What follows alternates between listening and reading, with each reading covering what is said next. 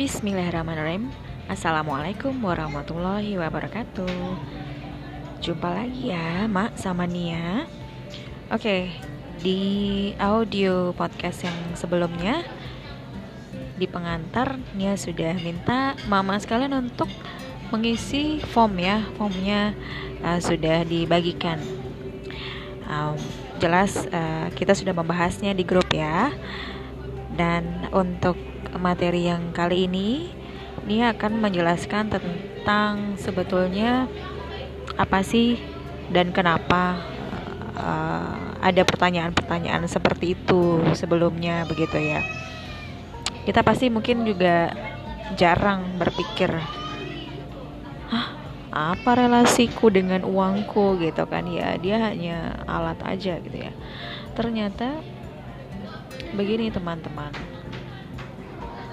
Nia juga mendapatkan pencerahan seperti ini tuh ketika mengikuti ada salah satu kelas literasi keuangan ya. Um, di banyak negara, di banyak kebudayaan, uang itu tidak pernah menjadi salah satu topik yang menarik ya. Um, dituju dan dicari iya. Tapi untuk dibicarakan nampaknya bukan merupakan sesuatu yang menarik. Artinya dibicarakan di sini konteksnya adalah ketika kita ingin um, menggali dan mencari gimana sih caranya menghabiskan uang secara optimal. Karena kita selalu dibiasakan bukan menghabiskan uang ya kita seringnya disuruh untuk menabung. Tetapi ironinya kita tidak diajarkan lebih lanjut jenis menabung yang seperti apa. Kemudian instrumennya di mana? Dan pengetahuan lainnya tentang menabung itu sendiri. Tidak spesifik begitu. Sehingga tidak mengherankan jika kebanyakan dari kita, baik orang Indonesia maupun di luar juga seperti itu sama tidak punya arah. Kadang-kadang kita hanya memahami menabung dan berhenti di situ saja. Tidak kemudian mencari pengetahuan lebih sebetulnya menabungnya itu yang seperti apa. Ya. Dan kebanyakan di budaya kita terutama ya di Indonesia uang itu merupakan ukuran ukuran kesuksesan di hampir setiap kehidupan manusia. Mau manusianya lahir di negara Asia ataupun manusianya lahir di negara Eropa. Karena memang kebudayaan kita sudah menganut terminologi uang dan kita terlanjur mengenal bahwa jika kita hidup ya kita membutuhkan uang. Belum tentu hal itu benar kan pada se sebuah case atau sebuah kasus belum tentu itu bisa menjadi tepat. Bisa jadi itu juga salah begitu ya. Karena dalam kondisi perang bisa saja uang tidak akan menjadi berarti lagi misalnya ya. Sebab apa-apa yang biasa kita beli dengan uang ternyata tidak bisa kita beli karena memang barangnya tidak ada begitu. Uangnya ada barang yang kita mau beli nggak ada. Jadi ada kondisi-kondisi yang semacam itu dan biasanya kita tidak pernah terlatih untuk memahami itu itu ya. Jadi eh, bagaimana kita mempersepsikan uang? Bagaimana relasi kita dengan uang? Ternyata pada beberapa pelajaran yang disampaikan kepada saya itu sangat sangat sangat berpengaruh. Dan satu hal yang saya sangat tercengang begitu ya karena memang Nia sendiri nggak pernah gitu mendengar sebuah pernyataan ini. di situ diajarkan bahwa jika kita memang betul-betul berniat dan bersungguh-sungguh mempelajari pola keuangan secara baik, maka hal pertama yang kita lakukan itu sebetulnya adalah kita harus memiliki mindset mencintai uang dengan benar. Nah, ini karena biasanya kita sangat sering ya di disampaikan bahwa kita jangan meng, mengeluh-elukan uang gitu kan ya. Kita jangan jangan pernah mencintai uang di hati kita dan lain-lain seperti itu. Padahal sebetulnya ini harus di breakdown. Ini harus dicacah dulu. Kita harus konfirmasi dulu, mencintai uangnya yang bagaimana? Ya, seperti itu. Ternyata logikanya sama seperti ketika kita mencintai anak kita. Sampai dengan sejauh ini saya yakin member ibu profesional percaya bahwa anak itu bukan milik kita. Ya kan? Anak itu titipan atau amanah dari Tuhan Sang Maha Pencipta yang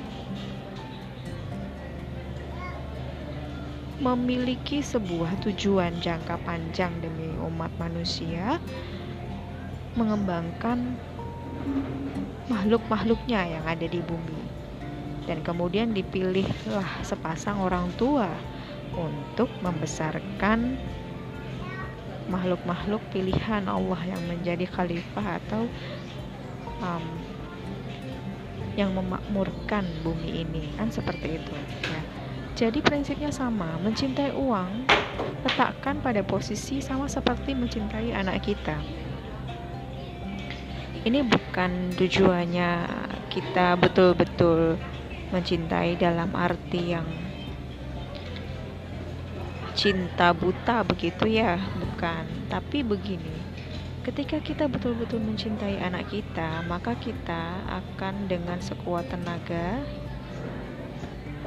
mencari keilmuan keilmuan ya kan untuk mendampingi mereka dari mulai ilmu tumbuh kembang mereka kemudian tentang bagaimana mengajari mereka cara mengelola emosi bagaimana cara berteman dan lain sebagainya kita belajar gitu nah Hal yang sama harus kita terapkan kepada uang kita. Dengan kita mencintai uang kita, maka kita tidak akan membiarkan uang kita melakukan hal-hal yang menjerumuskan kita. Sama logikanya dengan merawat anak. Kita tidak akan membiarkan atau kita pasti akan sangat menjaga begitu ya supaya anak kita tidak melakukan hal-hal yang kelak akan merugikan kita. Walaupun secara naluri kebendaan pastinya tidak akan bisa disamakan, tapi ini adalah sebuah metafora bahwa mencintai uang dengan tepat itu artinya kita belajar mengelolanya. Kita belajar bagaimana menumbuhkannya kita belajar bagaimana menjaganya agar ia tidak merugikan kita, baik di masa sekarang, di masa tengah-tengah kita berkeluarga nanti, ataupun di masa depan. Nah, itulah mindset mencintai uang dengan benar. Jadi nggak apa-apa dong mencintai uang, ya nggak apa-apa apalagi bagi yang muslim juga selalu ada kesempatan menggunakan harta kita untuk kita gunakan berniaga kan di jalan Allah begitu atau di jalan Tuhan apa pun itu bentuknya sehingga kenapa kita harus merasa malu kalau kita memang mencintai uang Karena dengan mencintai uang, kita meletakkan porsi mengelola yang tepat. Jadi seperti itu. Maka mari kita refleksi apakah cara kita melihat dan memperlakukan uang sudah kita berikan relasi yang tepat? Sudahkah kita mencintai uang kita selayaknya merekalah anak-anak yang kelak akan menjaga kita di masa tua kita? Nah, perlunya ilmu financial planning adalah setelah kita memiliki mindset yang tepat. Jadi jangan pernah membenci uang, jangan juga menginginkannya terlalu dalam untuk memiliki sepenuhnya karena memang tidak akan pernah bisa. Sifat uang itu mengalir dan termanfaatkan. Yuk, kita renungi diri kita di titik mana kita memiliki relasi dengan uang kita. Sudahkah kita mencintainya dengan tepat? Oke, nanti sambung lagi ya Maya di audio podcast yang ketiga yang selanjutnya kita akan membahas tentang mengenali emosi keuangan. Terima kasih. Wassalamualaikum warahmatullahi wabarakatuh. Salam Mindful Financial Planning dari Rumah Belajar Financial Planner Ibu Profesional Depok. Wassalamualaikum warahmatullahi wabarakatuh.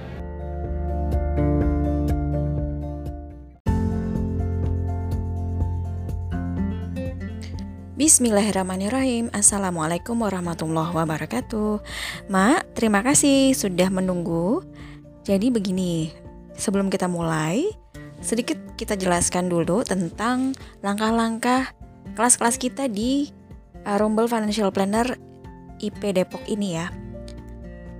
Prinsipnya kita akan belajar di tiga tahapan.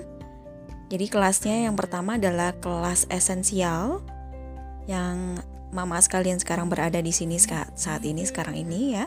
Terus kemudian yang kedua nanti kita akan ada kelas planner dan di tahap yang ketiga atau level yang ketiga, itu kita akan belajar namanya menjadi kelas investor. Masing-masing nama ini memang memiliki tujuan. Ini memiliki sebuah filosofi sebetulnya. Di kelas esensial atau kalau dahulu kita sebutnya basic ya. Jadi memang ini mengadopsi dari betul-betul langkah-langkah seperti kalau mak-mak sekalian itu ikut atau ambil sebuah sertifikasi financial planner. Makanya kemudian namanya kita ambil jadi rumah belajar financial planner. Eh, nanti akan ada subjudulnya ya, for uh, apa namanya uh, uh, manager, financial manager, family financial manager gitu kan. Jadi uh, Rumble Financial Planner Ibu IP Depok ya uh, sebagai uh, untuk uh, manajer keuangan keluarga kayak gitu. Jadi memang fokus di kelas uh, IP Depok ini sebagai uh, manajer keuangannya keluarga gitu ya, bukan hanya sebagai kasirnya tapi manajer keuangan karena kalau kita melihat definisi general dari sebuah kata manajer, manajer itu tidak hanya mengerjakan sesuatu yang disuruh atau diperintahkan tapi dia juga mengkreasikan. Dia adalah otaknya dia managing dia yang mengelola segala sumber daya yang dimiliki ya oleh sebuah entitas entah itu entitas keluarga maupun entitas usaha. Tapi dalam hal ini kita menyebutkannya adalah entitas keluarga Apakah kita kelak akan membahas sebuah keuangan bisnis? Kalau khusus di Rumble Financial Planner, enggak jadi nanti akan ada sesi lepasan yang mungkin akan bekerja sama dengan rumah belajar Makpreneur karena memang uh, dasar dasarnya itu akan sangat berbeda sekali gitu kan.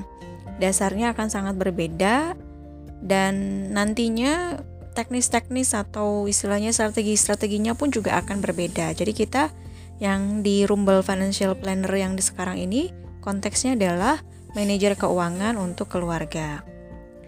Karena apa? Karena kalau saya sendiri eh, yakin bahwa tiap keuangan usaha yang baik itu ya keuangan apa usaha terutama usaha keluarga atau usaha pribadi begitu ya paling baik dan paling benar itu memang dimulai sejak kita memisahkan urusan keuangannya. Jadi mama yang sekarang sedang belajar di sini dan ternyata memiliki usaha. Nah, mulai sekarang praktekkan juga hal itu, pisahkan sepisah-pisahnya. Kalau memang bisa lebih bagus juga rekeningnya terpisah. Tapi kalau tidak, yang penting pencatatannya betul-betul terpisah. Seperti itu. Disiplinkan di kedua hal itu. Maka untuk tahu seperti apa nanti ketika di keluarga teman-teman, emak-emak sekalian belajar di kelas ini. Seperti itu ya. Jadi fokus kita di IP Rumble uh, Rumble Financial Planner IP Depok adalah untuk konteksnya keuangan keluarga. Makanya kenapa namanya Rumble Financial Planner sekarang ini? Karena uh, ya mak malah sekalian yang akan menjadi financial plannernya keluarga masing-masing gitu ya. Kita akan punya misi mengikis habis ya eh, kebutaan literasi keuangan di keluarga-keluarga Indonesia. Itu. Jadi eh, misinya kita mudah-mudahan sama, misi kita mudah-mudahan memberi manfaat juga buat diri kita dan juga lingkungan di sekitar kita. Nah, setelah kelas ini, mama sekalian boleh banget membagi keilmuannya baik itu melalui media sosial maupun e, bercerita begitu ya model bercerita itu boleh tapi yang harus diperhatikan pertama adalah yang pertama harus diperhatikan adalah e, adab sebelum ilmunya diterapkan di ibu profesional kita diajarkan bahwa segala sesuatu yang kita terima dari mana pun sumbernya, kita harus menghargai sumber dari ilmu yang kita ambil tersebut begitu ya. Kalaupun kita hendak menceritakan ulang, eh, pakailah kaidah-kaidah yang memang secara ilmiah sudah diterapkan begitu ya citation ya atau mengutip beberapa kalimat atau mengutip beberapa penjelasan sertakan sumbernya Terus kemudian yang kedua, jika memang menggunakan sebagian materi untuk di recreate, maka tetap cantumkan sumbernya. Terus kemudian untuk khusus di IP tidak diperkenankan untuk me, me apa ya membuat atau me mereshare materi uh, dengan cara copy paste dan atau hanya me, mengcopy gitu ya, mengcopy dan kemudian menggunakan gambar dan uh, pertama tanpa izin maupun plak seperti itu gitu ya. Kita selalu membiasakan diri untuk bisa mengolahnya. Bikinlah gambar yang baru, kemudian atau bikinlah sesuai dengan uh, tingkat pemahaman yang emak-emak uh, ambil seperti itu karena ini untuk menghargai adab terhadap ilmu, menghargai diri sendiri, menghargai para fasilitator yang sudah me merumuskan dan juga terutama uh, harga menghargai terhadap ilmu itu sendiri.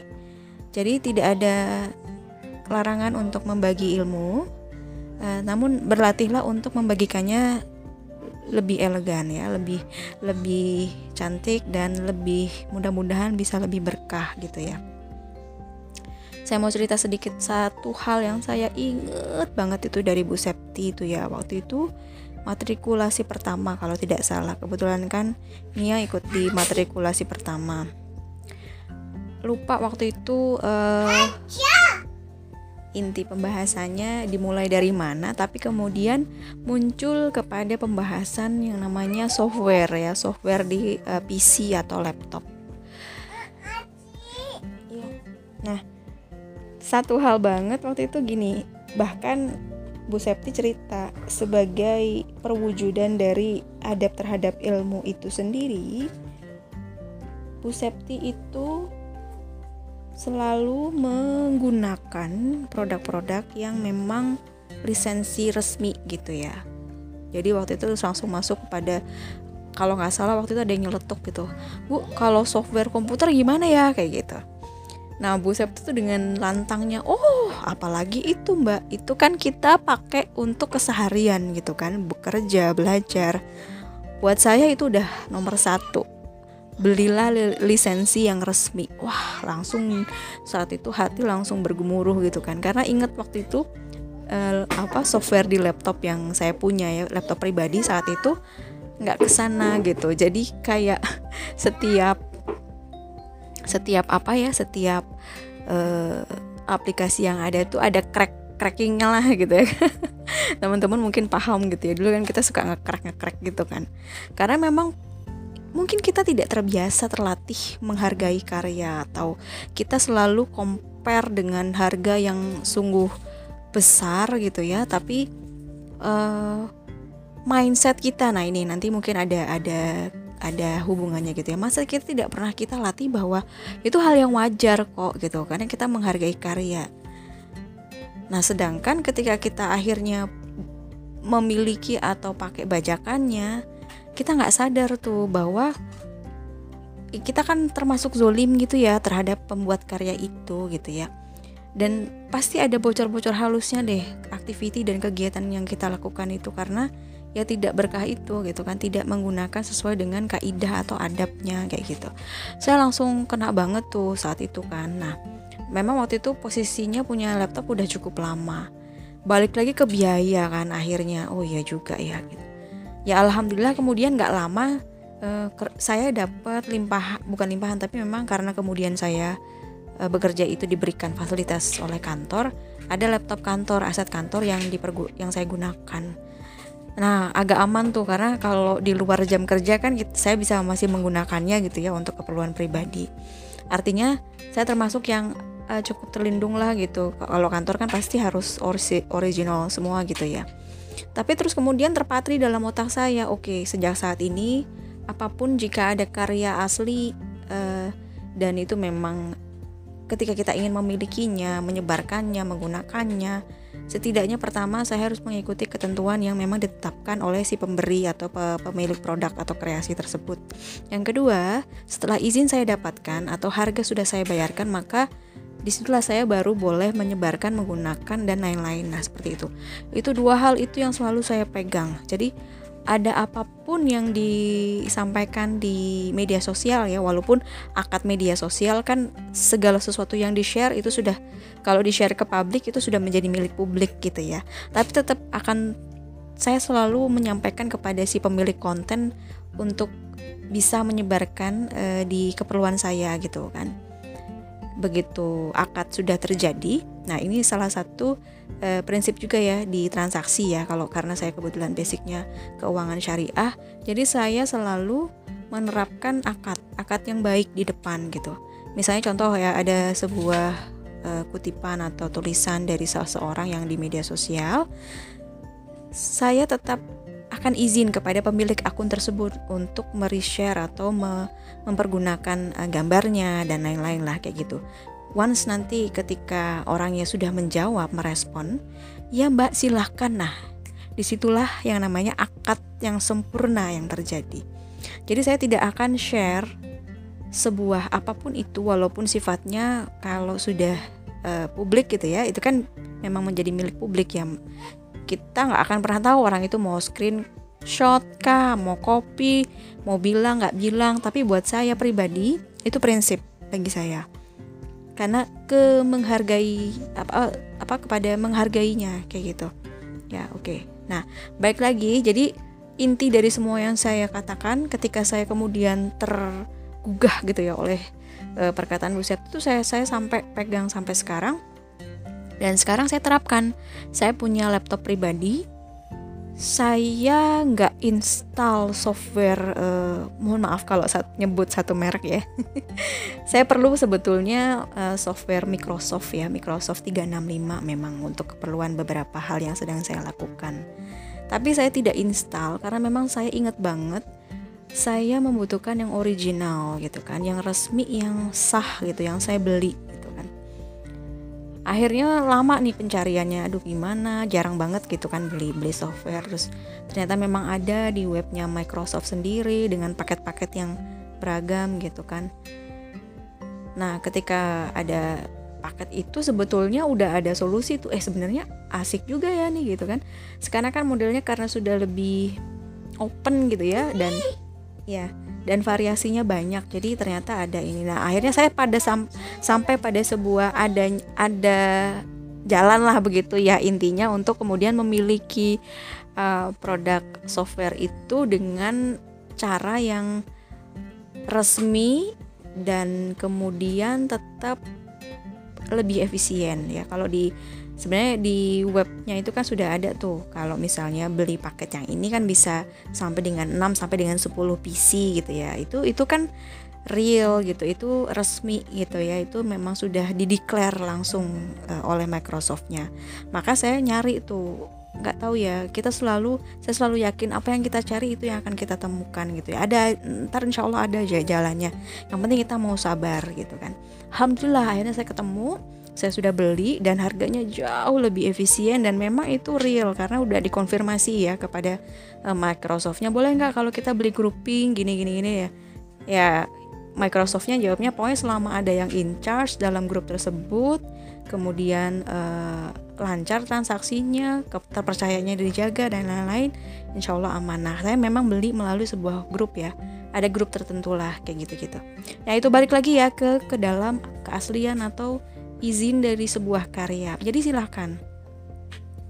Jadi saya ulang, yang pertama adalah itu tadi ya, adab terhadap ilmunya e, dijaga saja karena memang spirit di ibu profesional yang saya yakin ang, sangat keren dibandingkan dengan e, komunitas sejenis itu ini. Kita selalu diingatkan untuk selalu me, memperhatikan adabnya. Nah, seperti itu pun saya. Jadi nanti ketika misalnya teman-teman ada uh, apa in, um, kebutuhan gitu ya untuk uh, kita kontak lebih lanjut terus kemudian dan hal-hal lainnya lah. Kalau memang itu di luar uh, ketentuan IP kita bisa melakukannya di luar di luar IP gitu ya secara profesional ataupun secara apa gitu. Jadi kita, uh, eh, saya tidak akan mencampur adukan ini gitu. Tapi adapun uh, yang saya kreasikan di sini dan kemudian saya bawa keluar itu adalah memang uh, istilahnya sepenuhnya rancangan yang udah saya buat gitu.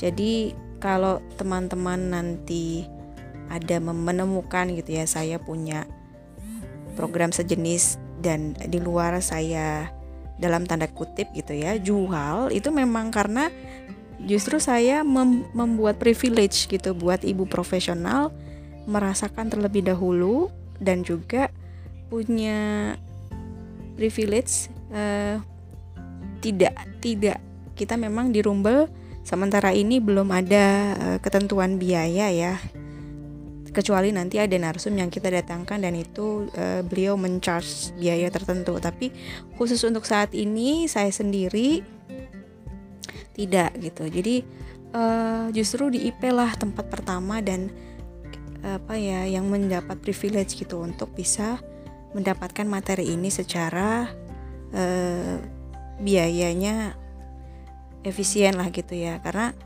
saya yakin biayanya nggak gratis-gratis amat kan gitu ya. Karena kan teman-teman juga menyediakan waktu kuota. Nah, itu pasti ada effortnya dan sangat menghargai itu. Tapi kalau untuk dari sisi kontennya saya sudah me mendonasikannya gitu. Artinya saya pengen ini sebagai amal jariah lah gitu ya kalau ke ibu profesional. Jadi mohon untuk bisa dijaga di sisi itu eh, semuanya boleh digunakan namun itu diolah dan kemudian izin lah setidaknya izin kayak gitu. Jadi itu yang akan saya sampaikan di awal gitu ya.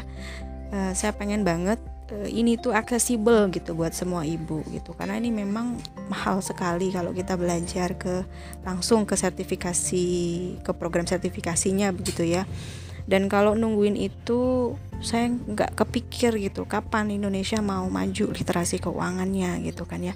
Kapan sih manusia Indonesia tidak bodoh gitu ya untuk me mendayagunakan uangnya mendayagunakan penghasilannya atau atau bahkan mendayagunakan potensi dirinya gitu untuk bisa punya power gitu ya memilih, mengalokasikan, tidak ditipu gitu ya oleh produk-produk keuangan yang apakah saya butuh atau tidak kayak gitu. Apakah tepat atau tidak nih buat keluarga saya. Saya tuh udah karena saya 10 tahun menjadi praktisi keuangan, saya tuh bosen gitu ya. dalam tanda kutip bosen dalam arti gini, kita itu saya ya waktu ini saya ngomong ketika saya berada di dalam industri gitu ya. Kita itu bikin produk gitu ya, tapi uh, kita nggak mikirin gitu loh. Kayak mereka tuh bener butuh nggak sih produk ini gitu kan ya. Saya waktu itu sebagai marketing gitu ya dikejar gitu ya dikejar target target target yang nggak sedikit gitu ya. Tapi kemudian mikirin dari sisi ethikalnya itu loh yang saya nggak saya bingung waktu itu ketika saya di, menjadi praktisi. Karena saya masih punya bos dan bos saya masih punya bos lagi gitu ya jadi kan tidak selalu ya ide dan misi kita itu bisa selaras gitu dengan ide dan misi atasan kita ataupun e, misi dari whole company gitu ya. Jadi di titik itu saya merasa sepertinya saya harus e, punya gerakan di luar yang e, perusahaan saya sedang e, lakukan kayak gitu. Nah, kemudian ketemulah IP ini. Ya pokoknya akar itulah ya. Intinya yuk kita bareng-bareng. Boleh nanti meri re, share dengan diizin dan juga uh, tentunya uh, memang sengaja makanya saya cantumkan ya ide-ide itu. Tapi uh, yang saya bikin ini di luar IP saya juga jual.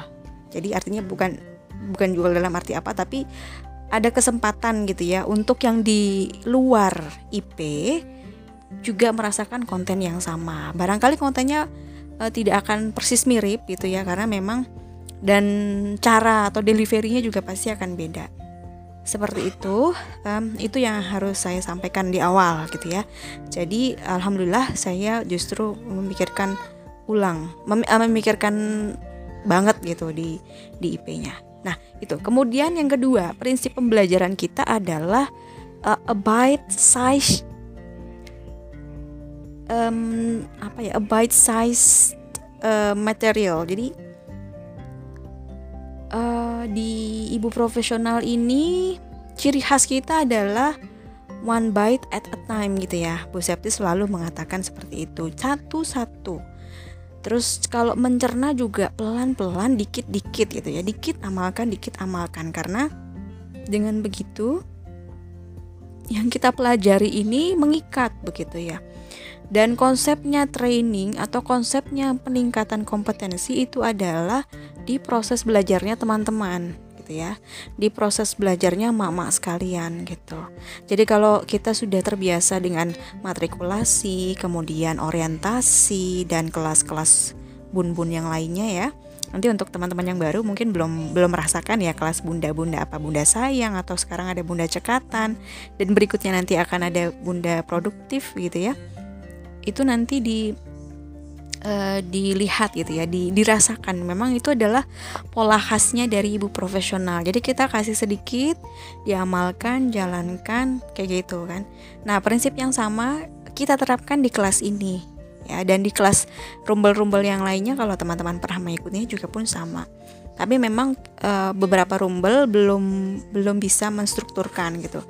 Nah, alhamdulillah ini IP, IP Depok uh, financial planner nih saya mau coba gitu. Saya mau coba strukturkan. Jadi uh, kelak kalau misalnya kota lain IP lain mau punya rumbel dengan uh, ranah yang sama atau judul yang sama bisa tinggal di ATM ya atau amati tiru modifikasi atau bahkan uh, ambil konsepnya dengan dengan utuh nggak apa-apa. Tapi ke depannya saya pengen karena ini konsepnya dari Depok saya pengen Depok pu punya atau dapat kontribusi gitu dari yang pakai konsep ini. Dan saya sudah menyedekahkan ini e, nanti tinggal kalau memang kita ada biaya ya semuanya masuk ke kasnya IP Depok kayak gitu. Jadi konsepnya sampai ke arah sana kayak gitu. Dan saya berharap juga nih perkiraan saya nih prediksi karena teman-teman di luar IP Depok itu udah minta sebetulnya kan mau dong mau dong mau dong gitu kan. Cuman kan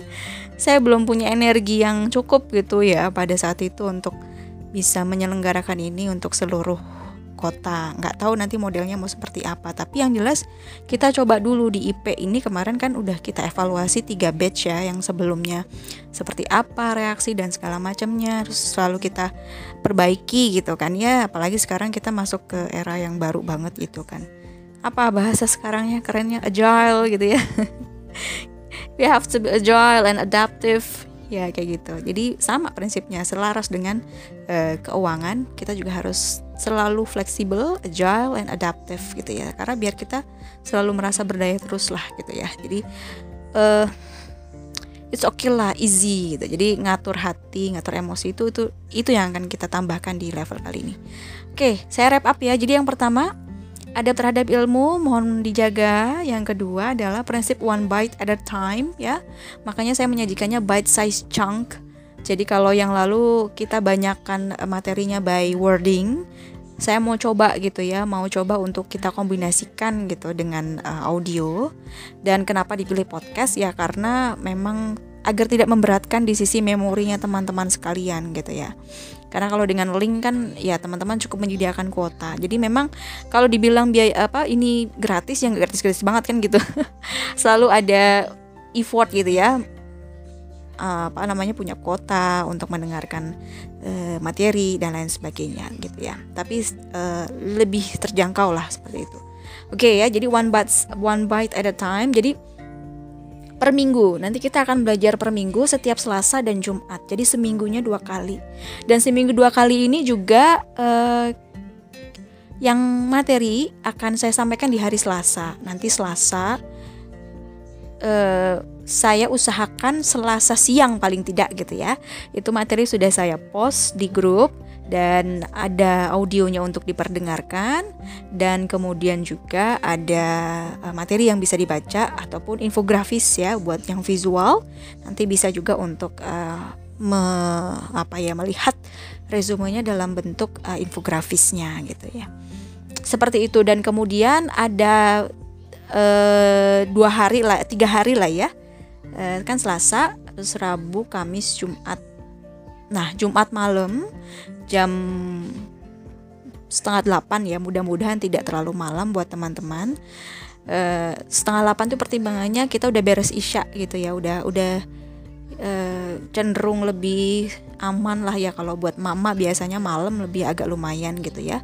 Nanti kita ada diskusi melalui chat chat di WA ya WhatsApp WhatsApp grup satu jam itu sifatnya nanti mendiskusikan materi yang sudah ada di hari Selasa itu. Jadi mama ada waktu untuk bisa belajar mandiri itu di hari Rabu dan Kamis. Rabu, Kamis dan Jumat sampai dengan uh, sebelum kita mulai ininya ya diskusinya. Jadi akan selalu seperti itu formulanya. Teman-teman nanti bisa menyesuaikan waktunya, menggeser-geser jadwal-jadwal yang ada gitu ya. Nah, tapi nanti di dalam uh, apa akhir dari diskusi selalu akan saya sampaikan kita bikin tugas. Tugasnya itu nanti uh, macam-macam. Jadi tugas akan di apa deadline gitu ya. Deadline-nya itu sampai dengan hari uh, minggu. Ya nanti minggu tinggal disetorkan aja kayak gitu nanti akan dijelaskan. Tugasnya nggak nggak yang berat ya. Cuma memang ini lebih kepada ya buat mama sekalian gitu. Jadi kalau bisa sediakan gitu satu catatan apa pun bentuknya terserah gitu ya perjalanan mama sekalian untuk uh, memahami intisari dari pembelajaran di Rumble FP, F, uh, eh, FP atau Financial Planner di sesi uh, di di level yang esensial ini. Karena memang ini adalah uh, basicnya gitu ya. Kalau teman-teman nggak kuat di pondasi esensial ini, nanti akan banyak terus jerumus pada hal-hal yang sifatnya memang seperti apa hmm, itu tuh distraktif gitu. Jadi kayak misalnya produk-produk, produk tuh kan nanti ya teman-teman. Artinya uh, pilihan-pilihan produk-produk itu nanti setelah teman-teman tuh tahu secara mendasar gitu ya.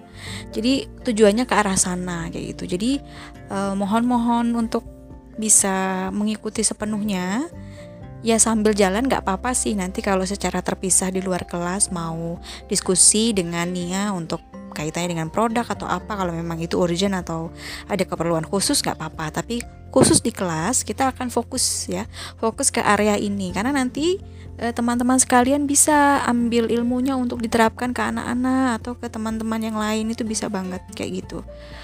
Karena kalau nggak sistematis seperti ini nanti goyang lagi goyang lagi gitu. Jadi kalau udah oke okay, udah firm di level yang esensial ini insya Allah mau belajar tentang produk apa pun nantinya ya karena di planner nanti di level yang planner itu akan lebih detail ya. Kita akan lebih bahas detail yang kaitannya dengan uh, apa namanya pilihan-pilihan uh, yang lain yang belum yang yang udah one level upnya lah gitu ya itu. Jadi kayak gitu kalau nggak beres di di level ini agak sulit gitu ya untuk bisa nerima ilmu barunya gitu. Jadi bersabar saja bersama Nia di 3-4 bulan ini ya di di rombel ini. Kayak gitu ya jadi balik lagi uh, terhadap terhadap ilmu termasuk tentang sharing sharingnya. Uh, sharing keilmuan di sini ya untuk uh, dibagi ke tempat yang lain itu seperti apa adabnya diperhatikan. Yang kedua adalah bite size chunk atau one bite at a time-nya. Dan yang ketiga tadi yang Nia sampaikan uh, prakteknya ya. Prakteknya itu nanti melalui tugas dan juga ada uh, nanti kita kasih juga tools toolsnya uh, worksheetnya kita akan kasih gitu ya. Teman-teman bisa uh, nyoba itu bisa latihan dan bisa diskusi juga gitu. Jadi uh, tiga prinsipnya itu ada terhadap ilmu kemudian uh, one bite at a time makanya kita kasih jadwal-jadwal yang sedikit-sedikit uh, tapi biar ngunyahnya itu enak gitu ya. Sekali makan hap habis telan rasain dulu baru habis itu makan lagi kayak gitu. Jadi biar nggak uh, too much ya biar nggak too much information gitu. Jadi biar tracknya itu um, enak gitu. Dan biar otak kita juga nggak ngebul gimana dan kita malah nggak tahu harus memulai praktek gimana nggak nggak ke arah sana ya. Jadi desainnya akan lebih uh, lebih ke arah teman-teman biar sedikit kerjain sedikit kerjain. Nah nanti kalau sudah lewat dari 21 hari kan 21 hari itu kalau kata James Clear itu akan menjadi sebuah habit ya. Jadi kita mastering di tiny habitsnya dulu atau uh, kalau bahasanya uh, James Clear itu atomiknya dulu gitu ya atomic habitnya dulu. Kayak gitu. Jadi nanti lama-lama menjadi sebuah kebiasaan yang memang sudah terstruktur gitu. Kayak gitu. Jadi uh, itu levelannya. Jadi uh, fokusnya goalsnya di level esensial ini adalah setidak-tidaknya ada dua hal. Yang pertama pondasi awalnya itu sudah kuat gitu ya. Teman-teman sudah bisa apa namanya punya pondasi yang betul-betul kuat. Kenapa harus financial planning gitu ya? Kenapa kita harus belajar ini gitu. yang kedua nanti goals akhirnya banget adalah karena di term yang kali ini fokusnya akan ada di dua hal ya eh, sesuai dengan langkah financial planning itu fokus kedua hal. Yang pertama adalah lunasi hutang konsumtif. Yang kedua adalah uh, bikin cash flow yang positif ya kayak gitu. Jadi di dua hal ini. Jadi level apa level esensialnya itu dasar banget memang dan kita akan fokus di sini gitu uh, uh, kayak gitu um, jadi tahapannya ke situ. Nanti baru kita kasih tools-toolsnya di bulan kedua ya. Jadi nanti bulan Juli ini kita akan dipondasi. Agustus nanti ada uh, worksheet worksheet yang kita latih kita bisa isi gitu ya.